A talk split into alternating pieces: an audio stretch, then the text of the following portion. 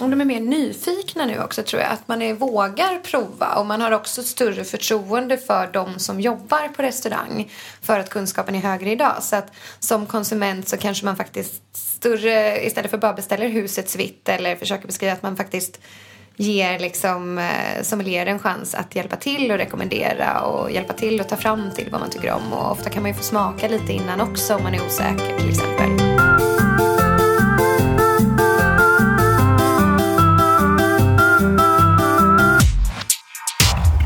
Jag heter Maja Sigrid Samuelsson.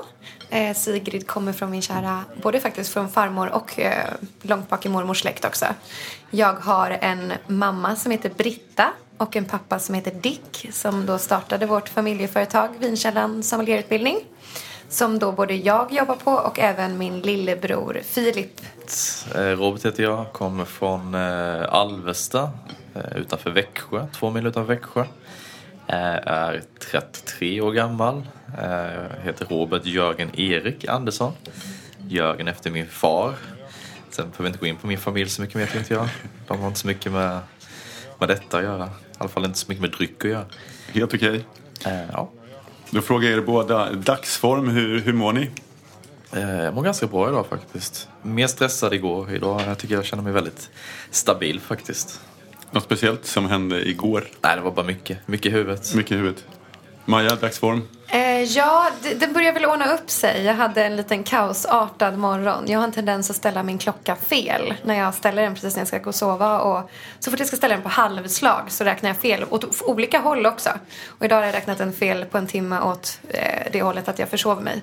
Så flög upp, eh, startade med en taxiresa, glömde plånboken hemma, fick åka taxi och hämta den innan jag skulle hit. Hade Aj, ut lite aj. glas. Men nu känns det lugnt och skönt så det kan bara bli bättre. Härligt. Då frågar jag er, vad vill ni prata om? Alltså vin känns ju ganska relevant, Ja, känns eller dryck liksom. Eftersom Ja. nu är väl det här en podd där man pratar både mat och vin och det gör vi gärna också. Men både jag och Robert är väl framförallt inne på vindelen. Absolut. Har ni något speciellt område som, som, som ni känner att det här, skulle, det här tycker vi är väldigt kul att prata om? Inom vin såklart. Nej, jag kan gärna prata allt från trender till eh, klassiskt, traditionellt. Eh, ja, egentligen vad som helst faktiskt. Vad ni vill veta. Ja, men- Gärna kanske lite just ja, men sommelieri och jag menar Sverige är ju väldigt duktiga internationellt eh, och både jag och Robert tävlar ju och det är ju ganska aktuellt med lite tävling och sånt också så sommelieri är ju intressant att prata Jag om älskar att du är också. så mycket mer mediavan än vad jag är också. Det är för jävla härligt. Sluta. Jag tänkte köra igång med en glad fråga. Vi börjar med Maja. Ditt roligaste vinminne genom tiderna?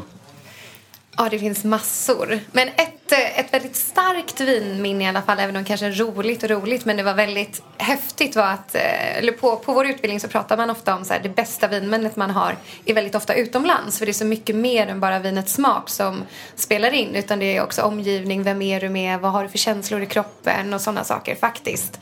Och eh, då, så det här var, vi var med familjen i Verona hade precis varit och sett på en opera på Carmen och det var underbar himmel på så lite Colosseum liknande byggnad. Och eh, så gick vi på en vinbar som var jättehäftig och så drack jag ett glas Brunello de Montalcino jag var ganska liten, eller liten, jag drack ju, alltså det gör vi fortfarande över 18 men jag var ganska ny just med eh, vin och vinvärlden. Och det var en av de här, första känslorna av att gud vad bra det kan vara.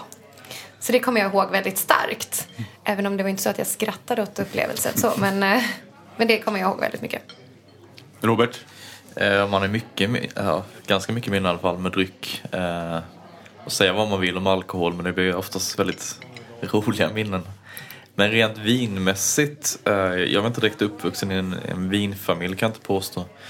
Jag började nästan mer eller mindre dricka vin när jag började studera. Jag gick en skola i Halmstad som var en eh, yrkesutbildning. Där man läste eh, till ja, restaurangchef och vi läste vin också. Och jag tyckte det var väl lite sådär, jag ville bara ut och resa. Men jag gjorde min första praktik på PM och vänner i Växjö. Och min första kväll kommer jag ihåg att de öppnade eh, Motorn Mouton Rothschild 86 och lite så här gammal Tokaj och sånt. Och då kände jag, shit, fan det här är ju det, är det här jag vill jobba med. Nu fattar jag lite i alla fall. Ett coolt vin som liksom är i era huvud just nu liksom. Om ni bara tänker så här. Liksom, vad, är, det- vad är det för vin som ni tänker på då? För mig är det- just nu tycker jag just vit Rioja eh, Vinna Tondoni är ett jättebra exempel som, som blir ett riktigt så här coolt vin. Jag tycker det är jättegott att dricka. Det är lite så oxiderade toner och så i. Jag tycker det är jättegott att dricka som det är men jag är också väldigt mycket för att köpa hem lite plock, skinkor, mandlar, eh, ostar och bara sitta och dricka det. Det tycker jag är ett riktigt häftigt vin. Tyvärr lite svårt att få tag på. Eh, Man får, åka, man får åka till Spanien i värsta Okej. fall. Det kommer lite som släpp men de är inte så många flaskorna. Men eh, en resa till Spanien Mm. känns väl okej. Ett coolt vin, Robert, just nu. Ett coolt vin. Eh, Jag var precis och blindade lite vin och jag fick en, ett vin från Santorini på Assyrtiko som jag tycker är en, faktiskt en väldigt det är lite annorlunda stil. Det finns eh, framförallt en väldigt sälta i de där vinerna som gör att det nästan blir så salivframkallande. Eh, som satt sig på huvudet just nu idag. Från en producent som heter Hasidaki som jag kanske är absolut bästa, en av de absolut bästa på, på ön. Så den, just idag är det kanske den vinet jag har i huvudet. Är det möjligt att beställa i något specialsortiment eller får man resa där också? Du får antingen beställa från Grekland eller så jag tror du kan beställa från Danmark faktiskt. Eh, Det finns ingen svensk direkt som tar in det. Vilken är den största missuppfattningen om viner? Ni får, vem som helst får börja. En vanlig missuppfattning är ju att man inte tycker om eh, Chardonnay. Eh, och då tänker man ofta på de här stora, feta, fatlagrade Chardonnay från USA. Men man tycker väldigt mycket om att dricka Chablis, vilket är också en Chardonnay, men inte så mycket fat och väldigt krispig. Så det är väl ett vanligt misstag. Eh, en annan vanlig grej är också att man kanske tänker om jag äter en maträtt med mycket peppar eller kryddighet i och så har jag en köttbit med pepparsås eller något så tar jag ett väldigt stort och kraftigt och tanninrikt rött vin. Och just tannin och eh, peppar eller kryddighet krockar och blir liksom explosivt och ännu större. Eh, vilket, vilket också är ett kanske ganska vanligt misstag man gör. Är- Robert, har du någonting? Ja, jag skulle säga kanske söta viner. Eh, som jag tycker får alldeles för lite cred. Eh, många är livrädd för allt som är sött. Eh, konstigt Sitt, nog. sitter den här liksom? Ja, men det är som man säger man att man ska få en, en Riesling. eh, Ja, det är lite sötma i det. är som folk har fly pesten nästan. Eh, Medan jag personligen så säger framförallt om det är balans med söta viner så tycker jag det är fantastiskt gott. Eh, De bästa söta vinerna får nästan en torr avslutning också.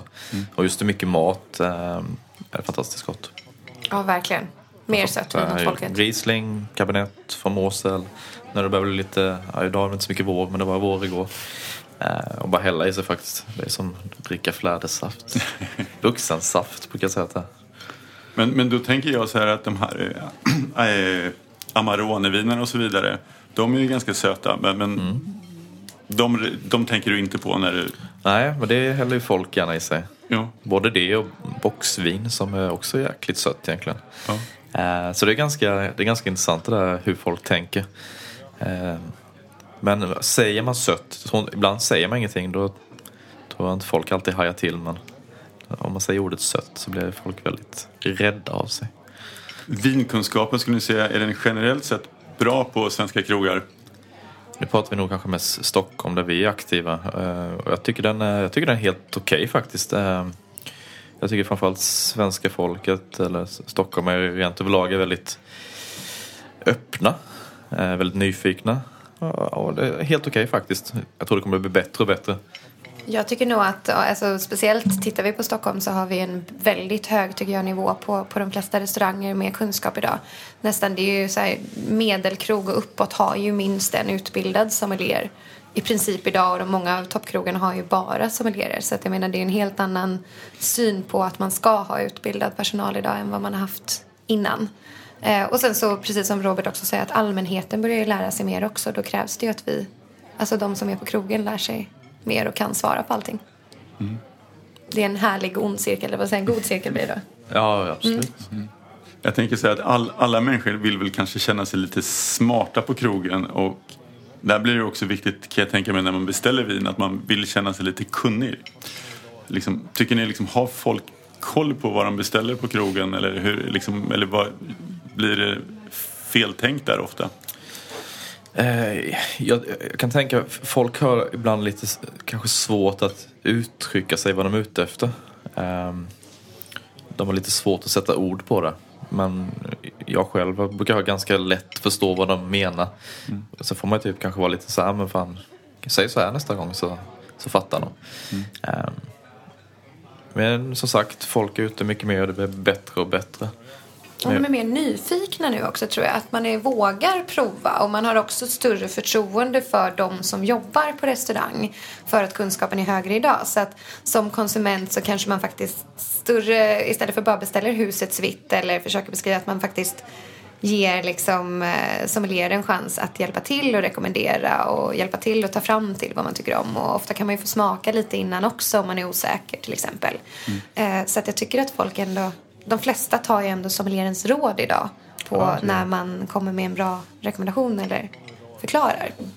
Det känns som att det poppat upp ganska många vinbarer nu sista åren.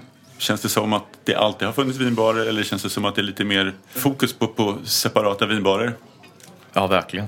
Jag tycker det, det är verkligen bubbla i Stockholm. Och, eh, fantastiskt. Eh, jag tycker det är framförallt vinbar som får sin egna lilla nisch.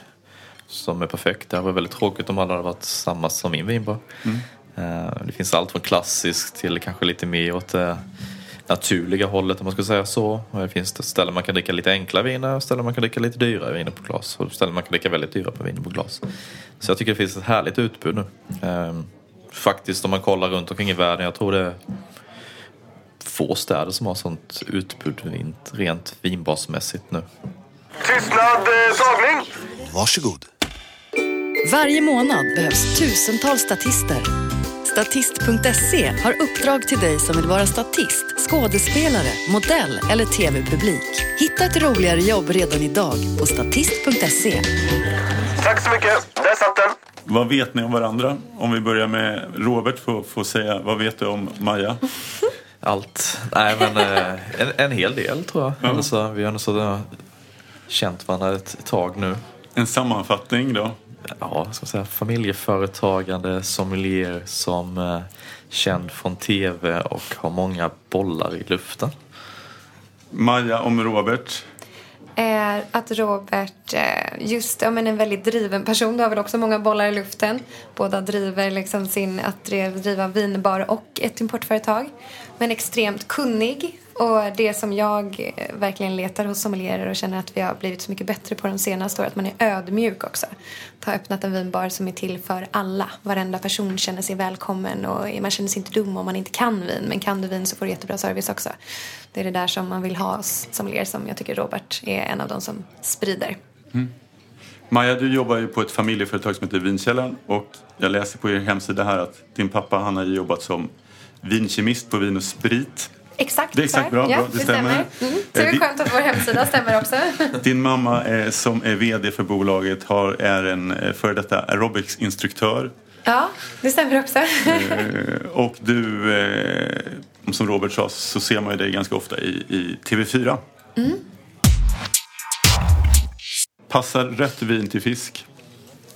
Ni får ha korta svar eller långa svar om ni vill. Ja, välja. det kan du göra. Det beror på vilka tillbehör till fisken där. kan man dricka champagne till mat?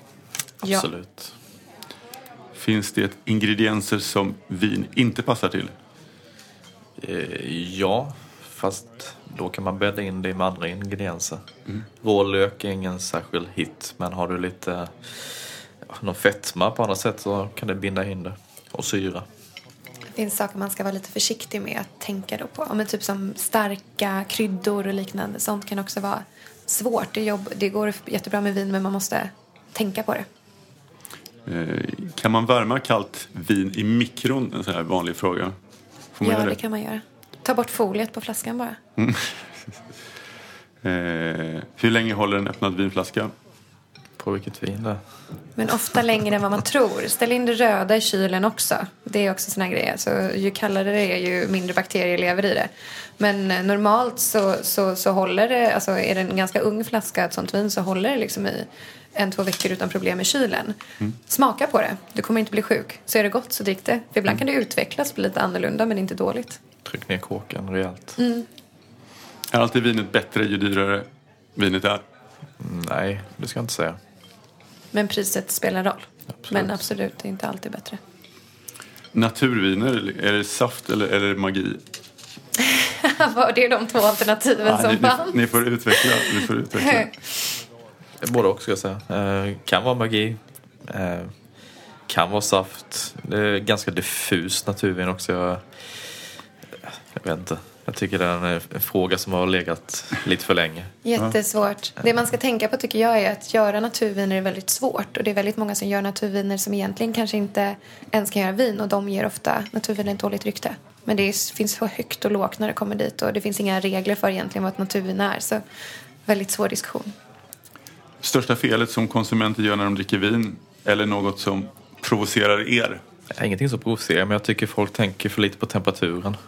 Du kan dricka rött vin alldeles för varmt och kallt vin oftast för kallt. Ehm, och kanske i för dåliga vinglas. Ehm, jag är lite allergisk när man kommer hem och man får riktigt tjocka, tjocka vinglas. Jag gillar... Ja, ja, 20 grader. Ja, jag, jag, jag kan absolut dricka det i ett vanligt dricksglas om det skulle vara så också. Men, men eh, temperaturer tycker jag är rätt. Framförallt rött vin. Kyl ner det lite. Det, det finns ju den här, jag tror till och med man hittar lätt på Youtube, 30, minuters, 30 minuter i kylskåpet liksom, innan servering. Är det liksom en En bra... här bra tumregel. In med 30 minuter de röda och de vita ut 30 minuter innan från kylen. Så, för det vita vinet dricker man ofta kanske också ibland lite för kallt. Det kan vara trevligt att dricka dem lite varmare för att få lite mer smak. Luktar man på en kork? Vill jag fråga också. Gör man det då? Eller, Jag gör inte det. Det Nej. doftar kåk. Alltså- kan inte säga smålänning kork. Nej, men du kan inte... Du kan inte ut, alltså, det kan dofta korkdefekt och vinet är bra. Det kan dofta icke korkdefekt och vinet är korkdefekt. Så att, eh, luftning av vin, hur tänker man där? Eh, att man gör det för lite. Eh, Rent generellt. Det händer rätt mycket med luft, både med vitt och rött vin ska jag säga. Framförallt med yngre viner. Eh, gamla mogna viner ska man vara lite mer försiktig med. Men slå det på kraft, rent generellt, det mesta av det. hemma är ganska enkelt att göra det också. Det kan vara svårare för vissa restauranger om de har väldigt stor omsättning och slå allting på karaff. Eh, men hemma, då behöver du ju bara en, en karaff och fixa det. Så det är ganska enkelt att göra själv. Just. Ett tips på ett allround-vin att ha hemma när man inte vet vad man ska äta och för mat. Champagne. Sherry, Sherry och champagne. smalt. Men det finns inget rött vanligt heligt vin som ni känner men det här, liksom, det här funkar alltid? Eller är det, är det, varierar ni så ofta? Eller vad? Nej men alltså Chianti tycker jag är en ganska bra grej. Dels finns det elegans och dels finns det lite, lite mer kraft rent generellt. Eh, och det finns, nu har jag dålig koll på systembolag men jag kan garantera att det finns någon Chianti som jag kommer att tycka är god. Härligt. Trender i vin som inte når oss vanliga. Jura är ju lite trendigt nu. Eh, men det känns också som det har varit en stund. Sherry är väl också en sån här trend som, jag, som har varit väldigt trendig hos sommelier länge. Som man tycker, som jag trodde kanske att konsumenterna skulle nappa mer på. Torr sherry. Som inte riktigt har gått hem. Eh, men fortfarande en dryck som är super eh, populär hos sommelierer som, som konsumenter inte riktigt har hittat. Ge ett annorlunda, udda tips. Jag vill ha liksom XX-vinet till mina köttbullar. Något som står ut. Oh, ehm, jag, ska inte säga, jag ska inte säga ett vin men jag dricker lite mer suröl. Tycker jag det är är härligt. väldigt underskattat. Och det äter man till, dricker till. Köttbullar. Sur, suröl, hittar man på bolaget. Eller, eller är det svårt att... Nej, men öl brukar de ha ganska, ganska mycket också för att vi, vi gör ju ganska mycket öl i Sverige. Eh, så det finns. Finns det någon så här basic tips för att matcha vin och mat? Eller är det, är det, finns det något enkelt tips att tänka på? Man ska ju försöka tänka, alltså det är klart att lite det här vitt till fisk och rött till kött, det finns ju en tanke med det att man ska ha ungefär samma kraft i vinet som, som man har i maten, att man inte tar över maten med vinet och inte tar över vinet med maten. Det finns ju en tanke. Men jag tycker överhuvudtaget öppna två viner. Alltså ha två viner om du inte vet. Köp två olika viner, drick det till, ta det som är godast, ställ in det andra i kylen. Det kommer hålla tills nästa gång, speciellt om flaskan är i princip full. Då håller vinet jättelänge för då finns det ingen syre i. Så, så våga öppna mer. Behöver inte dricka mer för att öppna mer. Och, vissa viner det ändrar sig till maten också. Är den ganska tanninrik och så här, ganska sträv så till maten kan absolut upplevas mycket mjukare. Slå det på karaff och sen uh, käka det med något som är lite fetare. Har ni några liksom regler, tips? Alltså när man sitter på en restaurang, man beställer sin mat, man får fram vinmenyn och så blir man ju som ett frågetecken. Och det är klart man kan fråga den personen som finns där till, till, hjälp. Men har ni några grundregler som, som kan vara med och ta med sig liksom, på krogen? Jag tycker precis som du sa, alltså det absoluta bästa är att prata med eh, den personen som jobbar och kan vin på stället. Det är den personen som antagligen har satt ihop vinlistan. Den har smakat maten, den har smakat vinerna, den vet vad som går ihop och inte. Och så försök kommunicera och berätta. Jag tycker normalt om de här vinerna.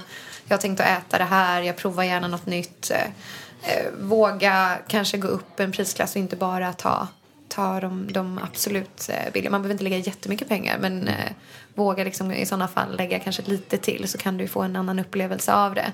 Eh, men våga också säga att, för det, jag tror många ibland går på det ett glas rött eller ett glas vitt bara för att man inte vågar prata om det för man känner att man inte kan. Prata då, för säg det att ja, men jag, jag tycker vin är jätteintressant men jag, jag vet inte vad jag ska ha. Jag dricker det här, vad, kan du hjälpa mig? Våga vara ärlig för att eh, sommelier hjälper jättegärna till. Mm. Jag tycker man ska försöka starta sig en liten minnesbank själv. Alltså ta en bild på vinet du drack, kolla upp det. Eh, gillar jag det inte? Kom ihåg det nästa gång. Nej men nu jag gillade Chardonnay från eh, Australien. Den var lite fetare i stilen. Alltså som man verkligen hela tiden kanske lägger lite, lite på minnet hela tiden. Det är inte så att man behöver läsa på allt om det men att du hela tiden kanske är lite intresserad av att lära dig själv. För det blir mycket roligare att gå på restaurang till slut. När du Det vet precis vad du väl- vill ha. Det finns väl någon sån där app också att man kan ta bild på vinet och lägga in det i en app. Och Ja, så har man alla vinerna tillsammans så kan man skriva, nu vet inte jag vad den heter, Mm. men det är, kan ju inte vara så svårt att googla upp. Om man tycker sånt här är kul kan man ta en bild på flaskan, lägga in det i sin app och så kan man skriva något kort om det. Och så har man som en bank där som man kan lära sig. Det är väl en jättebra Eller visa, start. visa bilden för sommelieren. Ja, det här gillar jag. precis. Det här Vad var har gott. du för liknande saker? Nu kommer vi på ämnet bakisfrågor. Jag vet inte Oh, om ni är experter. Eh, Experter. Det är faktiskt mina kollegor här ut, utanför här som, som ställer de här frågorna innan, innan vi kör igång här. Eh, är det liksom en skröna eller är det sanning att man mår sämre dagen efter av ett rött vin jämfört med om man till exempel dricker samma mängd champagne?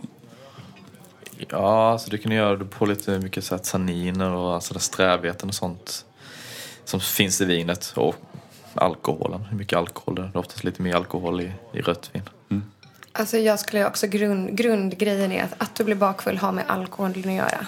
Alltså det är liksom det absolut största momentet. Så det är det, hur mycket alkohol har du druckit? Precis som Robert säger, alltså ett rött vin kan vara upp mot 15% alkohol medan champagne kanske ligger på 12% normalt. Eh, det blir ändå 3% skillnad liksom. Eh, och sen så hur mycket, då blir det också utspätt mer med eh, Alltså, dricker du vatten? Vad har du gjort på dagen? Eh, ofta tänker man så här, ah, men det var rödvinet som gjorde det. Nej, men ofta har det med vad du har gjort kanske. Mer hur är kroppen i balans, vätskemässigt, matmässigt, sova, stressad. Sånt spelar in mer. Men det är alkoholen som gör dig bakfull. Men det här man pratar om, sulfiter till exempel, det har inte, alltså det är inte så att och nu köper jag ett superekologiskt som inte har, sulfiter finns där också men, men som har mindre tillsatsämnen. Är det så att man kommer, Nej, det är alltså- alkoholen som är det viktiga? Sulfiter gör ju att bakterier och liknande dör. Alltså ju mer svavel du har i ett vin ju mindre bakterier är det normalt i. Eh, så det är också, men sen så är det också en annan skill- skillnad om du börjar prata migrän. Där kan det finnas folk som är känsliga men eh, det är alkoholen som är boven. Ja, inte för bakis är det nog. Nej, för bakfull nej. Men och alltså, att, att mixa öl och vin och, sånt, det, då, det är fortfarande, vi räknar alkohol liksom. Det, det är det man ska... Så jag skulle säga det här med alkohol, jag, jag- jag, jag har aldrig, jag har testat det mesta och jag, nej, det har med alkohol att göra. Jag förstår. Jag förstår. Det är det som också kemiskt går att bevisa. Jag Mm. tror på sånt. Men berätta lite själva om, om ert företag och din historia och liksom hur det... Ja, det är ju pappa från början då, då som har jobbat. Egentligen så kom väl han in på det här med ett bananskal med att börja jobba extra på Systembolaget medan han pluggade till, eh, pluggade upp sina betyg i kemi för att han ville bli veterinär. Och så tyckte han att det var så pass kul och så sökte de en tjänst på Vin och Sprit helt enkelt som vinkemist och så gled han in på det jobbet där. Och så via det jobbet utvecklades han väl egentligen till vinkemist för det finns ju ingen sån utbildning. Var med och prova av alla viner som kom in till Sverige och så. Eh, sen så startade han eget och då så startade han först ett konsultföretag. Var väldigt eftertraktad. Jobbade jämt men tjänade inga pengar. Och då satte mamma ner foten och sa nej nu får vi göra något åt det här. Och så startade de företag tillsammans. Så pappa är ju då den som kan vin och har hela den bakgrunden och lagt upp hela utbildningen och skolan kunskapsmässigt. Och mamma är den som kan driva företag och se till att vi går runt. Så det är en bra kombo, så de gör helt olika saker i företaget. Och jag klev in eh, när jag var 18 så gick jag sommelierutbildningen och jag gick också en bartenderutbildning. Så jag jobbade länge i branschen som bartender framför allt. Ehm, även om jag jobbade en del med vin också. Och nu så, sen ett gäng år är jag heltid då i, i familjeföretaget. Jag tänkte bara reda ut begreppen. Eh, Mm. Jag, jag nämnde förut att jag hade kollat på den här filmen eh, Som. Som, Exakt. som är väldigt amerikansk. eh, Och, och, och där försökte de förklara vad en sommelier. Och då sa de att det är en person som har hand om vin på, på en, en, en restaurang. Och så sa någon annan, nej det är det inte alls. Det kan vara vem som helst som är kunnig på vin. Men hur, liksom, kan, du, kan du förklara vad är, vad är en sommelier? Vad, liksom, vad är din... För mig är alltså yrket sommelier är ju den som jobbar på restaurang och har hand om vin. Och jag menar, definitionen är väl att du egentligen kanske bara jobbar med vin. Men jag tycker ju att så länge du har vinansvar och beställer vin och liknande så tycker jag att man serverar ju också. Det är ju rollen där med. Men du ska lägga upp vinlistor. Man kanske håller på med utbildning och sånt också. Sen idag har det ju blivit att det är väldigt många som utbildar sig till sommelier. Går den här yrkesutbildningen men sen inte jobbar på restaurang utan man jobbar i leverantörsledet och säljer eh, vin. Man kanske jobbar på Systembolaget. Man kanske gör det för sin egen vinning. Man, jag jobbar på en utbildning och utbildar. Um, och det här vet jag att det är ett ganska känsligt ämne för vissa vill liksom att sommelier är bara de som jobbar på restaurang. Jag vet att jag har en kollega som jobbar då som leverantör. Han kallar sig säljande sommelier. Så att man kanske kan liksom vinkla, men jag tycker det är ganska bra. Men jag är en säljande sommelier. Ja, men det, det är ju det han jobbar med då. Uh, så att det är väl lite en definition. Men absolut, det är ju den som jobbar på restaurang där. Det är därifrån yrkesrollen kommer. Mm. Men, men eh, jag, jag som inte är insatt i det här, alltså eh, jag tänker när man är legitimerad psykolog och, och terapeut och så vidare, alltså är det en skyddad titel eller liksom vad, vad, är, vad är kravet för att vara sommelier? Liksom? Det kanske inte finns en det finns olika utbildningar och olika liksom... Ja, tyvärr så finns det inget krav idag utan du kan ju gå en två timmars hos oss och sätta på dig en post-it eller kanske inte just hos oss då eftersom vi har sommelierutbildningen men egentligen kan du gå en två timmars kurs och säga att du är sommelier. Alltså det finns inget så men däremot är branschen också så pass liten att man vet vilka utbildningar det är som du tycker är en sommelierutbildning. Eh, som du ut, vill kalla dig utbildad sommelier så räknar du med att du kommer från någon av dem. Men sen kan du ha jobbat jättelänge i branschen och vara superduktig på vin och vara självlärd. Alltså och vara en jätteduktig sommelier. Så att eh, nej, i dagsläget finns det inget som är så certifierad egentligen. Okej. Jag vet själv när jag gick, jag gick ingen direkt sommelierutbildning. Men jag gick en, eh, man säga, en restaurangchef slash med vin. Så vi läste väldigt mycket vin. Så det var ju som en sommelierutbildning också. Eh, Men jag själv kallar mig inte direkt sommelier när jag var klar med skolan. För jag tyckte jag hade inte den kunskapen. Nu jobbade jag på en restaurang där det fanns väldigt duktiga sommelier, både svenska mästare och världsmästare. Så jag har alltid jobbat upp mot dem, sett upp mot dem som är bäst. Och om jag jämförde mig med dem då så tänkte jag fan jag kan ju faktiskt ingenting. Jag är fan sommelieren. Så det tog kanske ett eller två ppm som jag bara nu, nu kan nog fan kalla mig sommelier nu. Nu har jag kunskapen att faktiskt kunna svara på frågorna och, som alla gäster ger mig. Så. Robert eh, Hornstulls Bodega, den startades eh, 2014, tre år sedan. Var det, liksom en, var det en dröm? Eh, Eller? dröm, vet jag inte vad jag kallar det. Men eh, jag har jobbat runt lite. Jag började som sagt min karriär eh, vinmässigt i alla fall i, i Växjö på PM och Vänner.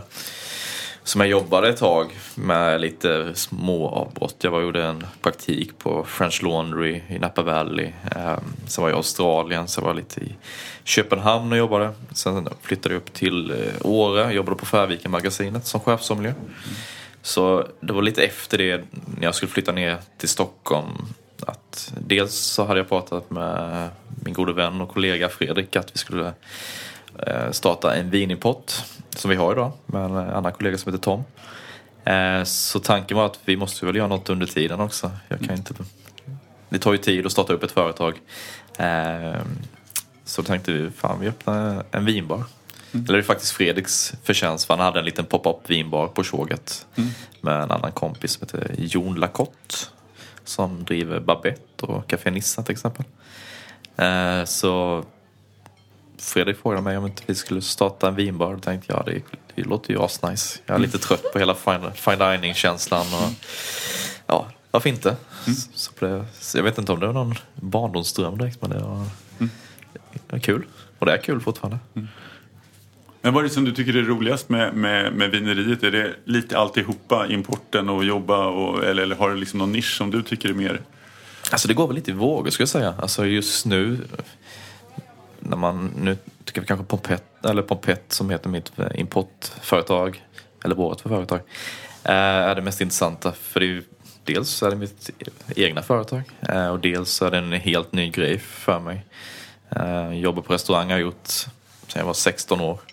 Så det har man gjort ganska länge. Men just det där att man får träffa vinmakarna och verkligen människorna bakom vinet. Jag tycker jag är väldigt, väldigt intressant och man får resa mycket och man får ja, starta ett eget företag är skitkul faktiskt. Mm. Bodegan i sig är också jävligt härligt men den är ju det är som en härlig bar. Man, jag gillar det där bodegorna i Köpenhamn. Man bara glider in och snackar skit och man vill dricka pilsner, man vill dricka vin. Alltså. Det där enkla vardagsrummet. Hur ser liksom gästerna ut hos, hos er? Liksom? Vad, vad är, är det Är det skägg och... hipster? Nej. Nej, absolut inte. Det är väldigt, väldigt blandat måste jag säga.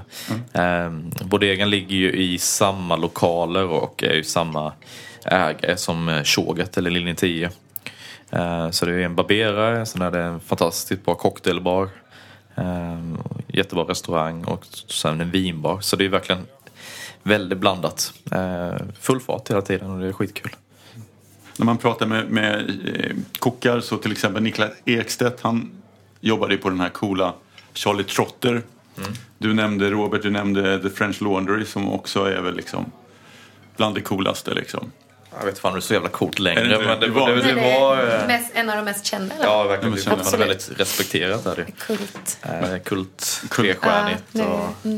Men vi, vi som, som inte vet så mycket, alltså, vad, vad, i er värld, liksom, vad, vad vill man hamna någonstans utomlands om man vill göra praktik eller om man säger men nu skulle jag vilja jobba i en vinbar några månader. Vad, vad, liksom, vad, vad snackar ni om tillsammans? Liksom? Vad skulle man vilja vara?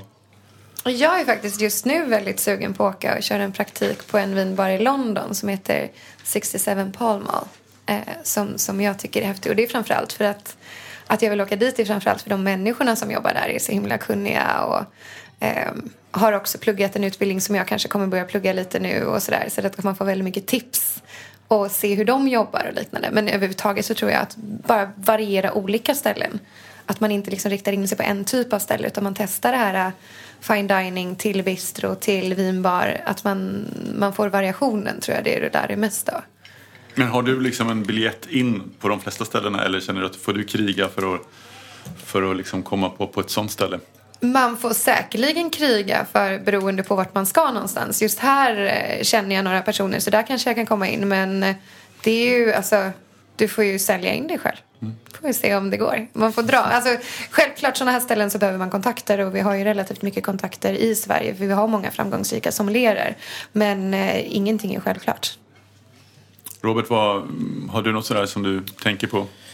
Alltså rent jobbmässigt, jag, jag har inte jobbat på ganska hög nivå restaurangmässigt. Eh, jag är väl nog snarare med att jag skulle vilja åka ut, eh, hjälpa till i vingårdar och lära mig verkligen hur man gör vin på ett annat sätt.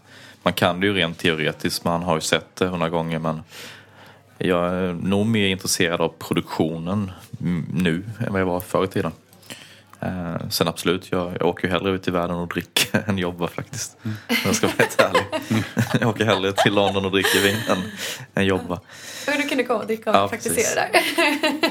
Nej men alltså, det, det finns många ställen som man... Jag, hade- jag ändrat lite när jag var lite yngre så hade jag förmodligen stuckit iväg och jobbat i en storstad. Riktig storstad, typ New York eller, eller London eller alltså där det verkligen säljer de där exklusiva vinerna. Vinerna som du kanske ja, förmodligen aldrig har råd att köpa. Utan du får referenser på dem. Det är bra i Stockholm också. Det är faktiskt en, en bra vinstad men New York är New York och London är London så är det det.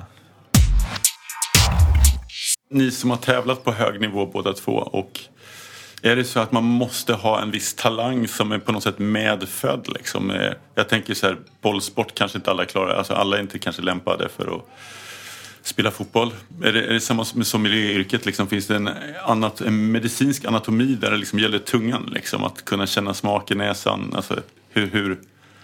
Jag tror att det här med, eh, som folk pratar mycket om, så här supersmaker eller superdofter och sånt där. Det är klart att det är ju en fördel om det är det. Men jag tror att de flesta riktigt duktiga sommelierer bara är vanliga människor som har tränat tillräckligt mycket och tränat upp sin smak och doft eh, från tidig nivå. Jag har ingen typ av så här supernäsa på något sätt utan det är bara väldigt mycket träning. För mig handlar det om att man eh, har ett jävligt intresse framförallt. Om man har en minnesbank, det tror jag nästan de bästa att de har. Att de kan lägga saker på, på minnet. Eh, bara det här har jag druckit innan, när drack jag det? Och kunna plocka fram det. Eh, om man nu, nu pratar vi ganska mycket tävlingssommelier, då dricker man ju blint. Då ska man hitta saker. Eh, Och där tror jag de som jag känner som är väldigt duktiga, de kan plocka fram det där. Det här känner jag igen, var känner jag igen det ifrån? Eh, Och som man kan även blanda in med sin teori. Bara, okej, jag känner igen det här. Det är mycket mineralitet, det är mycket syra, den här färgen, bla bla bla. Och, och sen kanske koka ner det och bara, ah, men då måste det vara det här. Eh, Så det handlar om intresse men även, jag tror ändå som vissa har lite mer talang, kanske inte rent smakmässigt men som många har kanske lite mer talang att laga mat. Man har det där lilla extra att man kanske har en, vad ska man säga, man kan lägga det lite snyggare, man, man ser saker som ingen annan ser. Och sen tror jag nog mycket också att just det här som, som tävlingssommelier, då behöver du plugghuvud om du ska bli riktigt hög nivå. Du måste kunna plugga för att det är så fruktansvärt mycket teori och appellationer och druvsorter och procent och sånt som ska in på något sätt. Att man i alla fall kan lägga det på minnet. Och antingen att du är jätteduktig på att plugga eller som Robert säger att man har ett väldigt stort intresse för då lär man sig också på ett annat sätt. Sen att vara sommelier och jobba med det, då kan man, behöver man kanske inte lära sig allt det här utan till utan då handlar det kanske mycket om att faktiskt vara mer lyhörd, vara mer social, tycka om att jobba med människor, att ha den delen. Och det är inte alla som, alltså man ska inte vara enstöring eller och försöka och vilja jobba som sommelier. Det är inte så passande.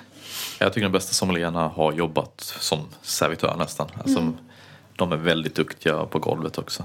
Och då, får de, då kommer ödmjukheten gratis lite sådär kanske. Ja, alltså man är inte redo att hjälpa till heller utan känner man att sin kollega sitter lite skiten då, då hjälper man till. Ja, restaurang är, för mig det som jobbar, eller boll, alltså spela ett fotbollslag. Man jobbar tillsammans. Alltså det är ju ingen one man show. Nej. Alla kan inte vara Zlatan, då är det... Många som lyssnar på den här podden och som är normalkunniga om vin blir nyfikna. Vad är, det- vad är det liksom som... Nu förstår jag att det är svårt för er att säga men det är ju så mycket liksom... För, först har vi själva druvan som såklart har olika smak beroende på vilken druva det är. Sen har vi själva jordmånen eller hur den har skötts då, druvan när den har liksom varit på en planta. Och, och snarlika druvor kan ju finnas på olika ställen i världen. Hur, liksom, eh, hur tänker ni i... Jag vet inte om jag har någon direkt fråga här men, men För mig personligen, alltså, för mig är det ganska viktigt att man har en, en ursprungskänsla. Mm.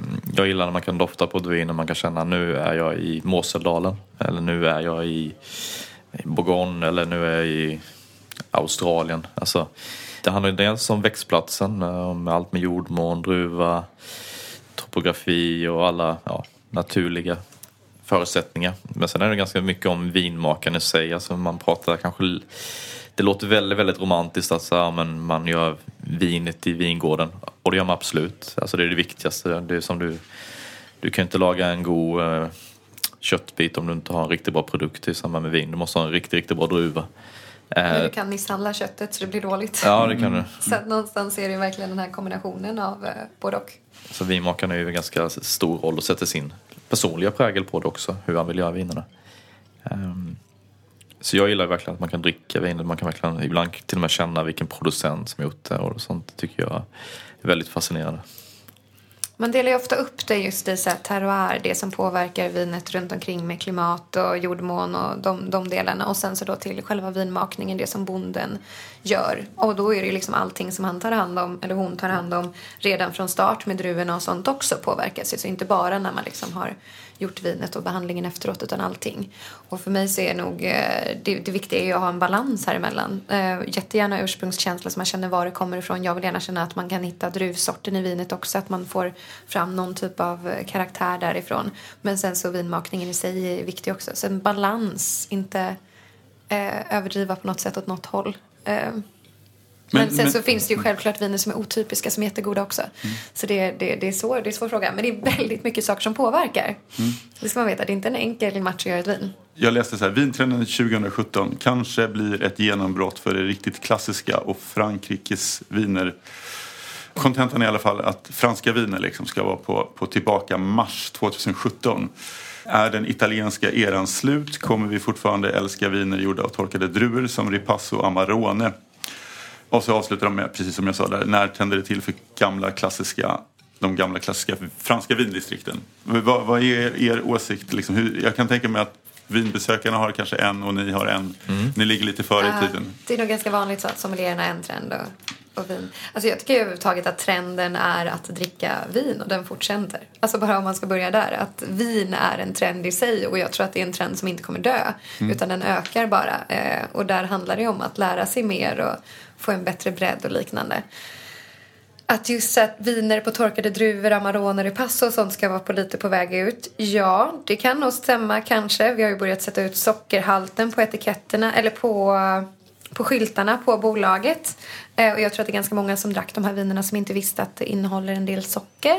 Eh, så det kan, kan kanske vara så. Jag hade ju tyckt att det var lite kul om vi inte bara, det är en extremt stor fokus där fortfarande. Eh, inget emot de vinerna på det sättet men det hade varit kul om vi breddar oss lite så det hade väl varit spännande om den la sig lite. Att Frankrike skulle vara på väg tillbaka, jag har inte riktigt fattat att det inte var Ja, jag- inne. Jag, jag tror att det, det är ett sånt där land som bara alltid har stått sig, som alltid är där, som alltid är inne, som alla älskar. Eh, både konsumenter och sommelierer, så det vet jag inte riktigt. Eh, Ja, Jag skulle säga att framförallt de klassiska områdena tycker jag de är, de är alltid trendiga, de är alltid mer eller mindre Ja, på ropet. där, där kanske man skulle kanske se i sådana fall att Spanien är på väg, men det kan jag tycka jag såg redan 2016 att Spanien är på väg tillbaka. För Mm. det var ju en supertrend med grisfester och Rioja och sådär som sen dippade lite. Men jag vet inte riktigt om det är en trend för i år heller. Men det- Frankrike och Italien känns som stabila där. Ja, däremot så tycker jag att det händer mycket i både Italien och i Spanien rent producentmässigt. Det gör det också i Frankrike också, men så har det alltid varit. Men det kommer nästan en ny generation som är, ja, som är hungriga, som har rest mycket, eh, som gör framförallt mer balanserade och kanske lite mer eleganta viner, både i Spanien och Italien. Och inte bara de där klassiska områdena som uppe i, i och sånt, utan du hittar i stort sett över hela Italien och över hela Spanien nu. Så jag skulle inte säga att trendigt, alltså rent trendigt skulle jag säga just att kanske Östeuropa verkligen har börjat komma eh, och börjar göra väldigt trevliga viner. Allt från Ungern till Slovakien till, ja, name it. Vinetiketter känns ju som eh, att det är väldigt viktigt idag för att sälja ett vin. Och så har vi de här kändisvinerna. Eh, etiketten är ju egentligen den kontakten man har med vinet liksom, och, och den information man får. Liksom. Har ni några reflektioner? Kändisviner, vinetiketter, utseenden? Det som är hela, hela grejen med alltså etikett tycker jag, det är jätteviktigt. Det har vi märkt hos konsumenter och det är klart att eh, sommelierer kanske är mindre påverkade men det är ju för att vi vet vad som finns i flaskan. Men även om jag står och väljer, om jag är utomlands och står och väljer på två viner jag inte vet vad det är eh, i någon av dem, mer än vad jag kan läsa på etiketten men att jag inte har provat vinerna innan för jag vet inte vilken producent det är. Ja, jag går på etiketten. Alltså, och då går jag kanske åt andra hållet däremot. Om det inte är ett djur på etiketten och en ser mer traditionell ut så kommer jag gå på den mer traditionella. Men jag går också på etiketten. Vi påverkas jättemycket av det här och det är första intrycket vi får och vi kan inte smaka på det just då. Speciellt inte i Sverige eh, med Systembolaget i dagsläget liksom. Så, så att det är klart det påverkar. Det som är Grejen blir väl också att det man gör är att man köper någonting utifrån etiketten. Sen så är det klart att det är innehållet som gör om jag kommer köpa den igen eller inte. Men jag känner ju också igen den om jag tycker om den. Kändisviner sk- har jag faktiskt, ska jag säga, att jag har inte provat jättemånga av dem så det kan jag inte säga. Men min eh, reflektion om man bara drar alla över en, en kam så tycker jag normalt att de är överprisade för det som finns i. Men sen så är det ju helt beroende på vad det är för vin. I, I min värld är det helt... Jag tycker det är så konstigt att folk tror, bara för att man är en känd människa, att man kan någonting om vin. Det tycker jag är ganska... är- jag vet inte, det, det är rätt så intressant så sett. Ja men han är ju på tv, han borde ju kunna göra gott vin. Eller? Jag, jag köper inte riktigt grejen, hur man tänker som människa. Nej. Eh, Nej, men det, det man ska det tänka allt. på är ju att eh, du betalar både för vinet och för namnet. Mm. Så det läggs ju på en liten kostnad på att det, att det är ett namn på också. Eh, sen så är det klart, alltså med allt vin så handlar det om vad du stoppar i flaskan, vad det är som är i. Det är lite som boxvin. Om du stoppar ett bra vin i ett box, eh, visst det är inte gjort för att lagras, men stoppar du ett riktigt bra vin i en box så kommer ju vinet vara bra. I dagsläget så stoppar vi inte jättemycket bra viner i box och då är det inte heller bra. Det är inte boxen i sig egentligen. Så det är väl lite det som, som är grejen. Men eh, kändisvin känns ju lite som om det håller på gå ur också. Det var väldigt trendigt ett tag kändes som. Jag tycker inte man pratar om det lika mycket men eh, det kanske säljer väldigt bra, jag vet inte. Vi har ju pratat om, om ganska mycket olika saker här. Har, har vi, är det något så här litet ämne som ni känner att vi har glömt prata om? Nå, någonting som ni känner det här skulle ju vara värt att nämna? Det jag kan tycka är värt att nämna är ju att eh, Robert alldeles strax ska tävla EM för Sverige. Det är ju stort. Ja, Och det har vi ju inte pratat Vi har pratat lite om, vi sitter ju båda två med i sommelierlandslaget. Vi är fyra personer som sitter där och det kallas Svesom och vi har en coach som heter Sören Polonius som är väldigt duktig och har coachat eh, eh, Andreas Larsson när han vann 2007 vann ju han VM. Eh, eh, eh, Arvid Rosengren i Sverige vann ju VM nu 2016. Och vi eh, kommer alltså, om man räknar ihop alla VM-vinster, vilka länder, så leder Frankrike med VM-vinster, sen kommer Italien, sen kommer Sverige på tredje plats, vilket är enormt coolt med tanke på att Frankrike och Italien är de två länderna i världen som gör mest kvalitetsvin och mest kvantitetsmässigt. Och sen kommer lilla Sverige som knappt producerar vin. Så det är ju jättehäftigt att vi är så duktiga. Så det är väl ganska stort, det är ju om en månad. Mm, det drar ihop sig. hur, hur, eh, hur gör man när man liksom tränar inför en tävling? Eller hur, hur ser en dag ut? Eh, de här dagarna nu, det går väl upp. Försöker jobba undan lite saker. Eh, och sen åker jag och tränar med Sören Vi kör lite olika. Allt från blindprovningar till eh, ja, vissa serveringsmoment. Eh, menyer som man ska sätta vin till. Eh, massa, eh, massa olika moment. Eh, sen åker jag och jobbar lite till. Sen åker jag hem och försöker plugga tre timmar kanske. Tills jag känner att jag inte får in något mer i huvudet. Men en blindprovning, du säger blindprovning. eh, Får du tre olika glas rött till exempel och sen så ska du gissa?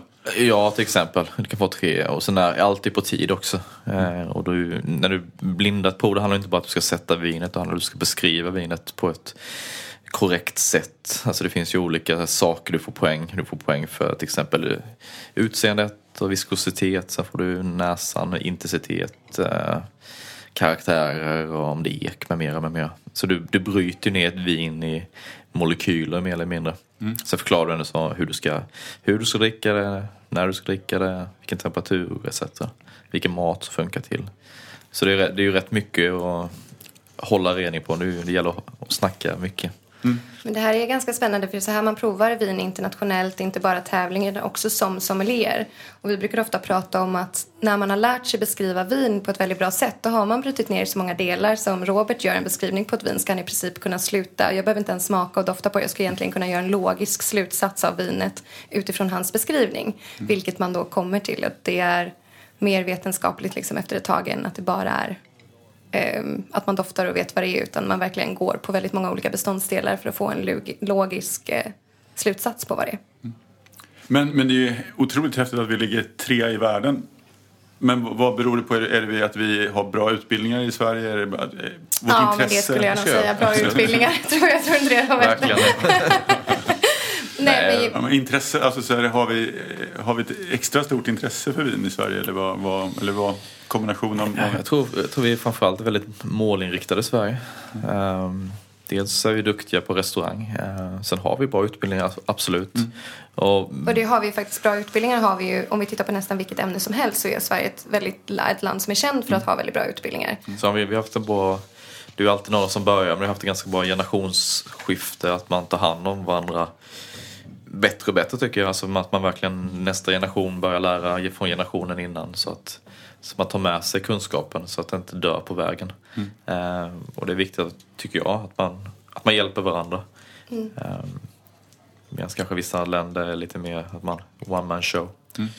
Tycker Ja. vi börjar bli bättre och bättre i Sverige. Eh, Och Sverige är ju ett av de få länderna som har ett landslag. Och jag menar landslaget startades, det här är väl eh, tredje året, eller fjärde laget som kliver in nu då efter SM. Ehm, och det är ju väldigt i framkant och där är ju tanken egentligen att Sören coachar den som ska vara med i EM och VM och sen så hänger tre personer på det här och får vara med och lära sig så man tränar upp de här personerna redan då för att så småningom vara med i de här mästerskapen. Så det är ett väldigt långsiktigt tänk vi har nu. Sen ska man inte glömma att Sverige är faktiskt ett land där vi inte producerar vin. Så vi kan faktiskt, vi lär oss hela världen. Jobbar du i Frankrike så kommer du lära dig främst Frankrike. Mm. Eh, medan Sverige plockar du från hela världen mer eller mindre. Så vi får en ganska bra smakpalett där. För vi testar verkligen vin från ja, allt från eh, Sydamerika till eh, Asien mer eller mindre. Mm. Så så sätt är det bra. Vi får ju en väldigt bred kunskap. Härligt. Alltså, nu när man lyssnar på podden och så blir man jättesugen på vin och så känner man att nu vill jag springa ut på krogen. Nu får du inte rekommendera din egen eh, krog här. Men alltså, Jag kan göra det. Jag kan rekommendera Hornskilds Bodega. Det kommer, det, det kommer säkert komma hur många, många människor som helst till dig. Men, men Mm. finns det några generella krogar i an- andra, som, eller andra favoriter liksom, om- som ni kan säga att här, här är liksom är ett, ett skönt häng när man ska dricka ett glas vin. Det måste inte vara en vinbar utan det skulle kunna vara en restaurang också där de Mm. tar vin på allvar. Jag tycker vi har ju en nyöppnad eh, vinbar i, i Sverige nu som heter Forli där vi har två, två av Sveriges bästa sommelierer som jobbar. Den Var- är- var ligger den? Eh, den ligger på Söder, relativt nära Nytorget. Kan inte gatan. Vad Nej. heter den? Jag vet inte vad den heter. Men eh, nära Nytorget i alla fall, eh, i det, det eh, området. Och det är, där kan man eh, prova viner från högt och lågt. Eh, mycket viner på glas. Om man vill lära sig så, så är det ett superbra ställe att gå till. Men också bara en skön atmosfär och, och hänga i. Eh, så det är väl en jättebra... Ja, Jag tycker fanns, det finns väldigt mycket bra vinbarer. Alltså, det som öppnade i Ekstedt så öppnade tydligen Cecil om man är med åt det. Vi kanske testade lite mer biodynamiska, naturliga. Eh, de är väldigt duktiga. Eh, Babette, en härlig restaurang där det finns bra utbud. Eh, Café Nissa, samma sak, samma ägare. Eh, jag gillar med klassiska eh, Eriks vinbar. Eh, Mm. Där du kan dricka väldigt klassiskt traditionella viner på glas. eh, Men även en bra vinlista som är väldigt bra prissatt. Ehm, Gamla stan finns ett gäng olika ställen. Allt från Gaston, Burgundy, 19 glas. Så det är alltså, Sturehof är också bara en klassiker som har massor, liksom, både matmässigt och vinmässigt. Så kan man få typ nästan vad man vill. så det finns precis lite överallt. Det är på lite vad man är sugen på. Härligt, härligt. Så vi måste ut och... Nu får vi avsluta här så kan jag gå ut och prova vin. Precis. Då säger jag ett stort tack för att ni kom hit. Det är vi som tackar. Tack så jättemycket. Det var jättekul. Tystnad, eh, tagning! Varsågod. Varje månad behövs tusentals statister. Statist.se har uppdrag till dig som vill vara statist, skådespelare, modell eller tv-publik. Hitta ett roligare jobb redan idag på statist.se. Tack så mycket. Där satt den.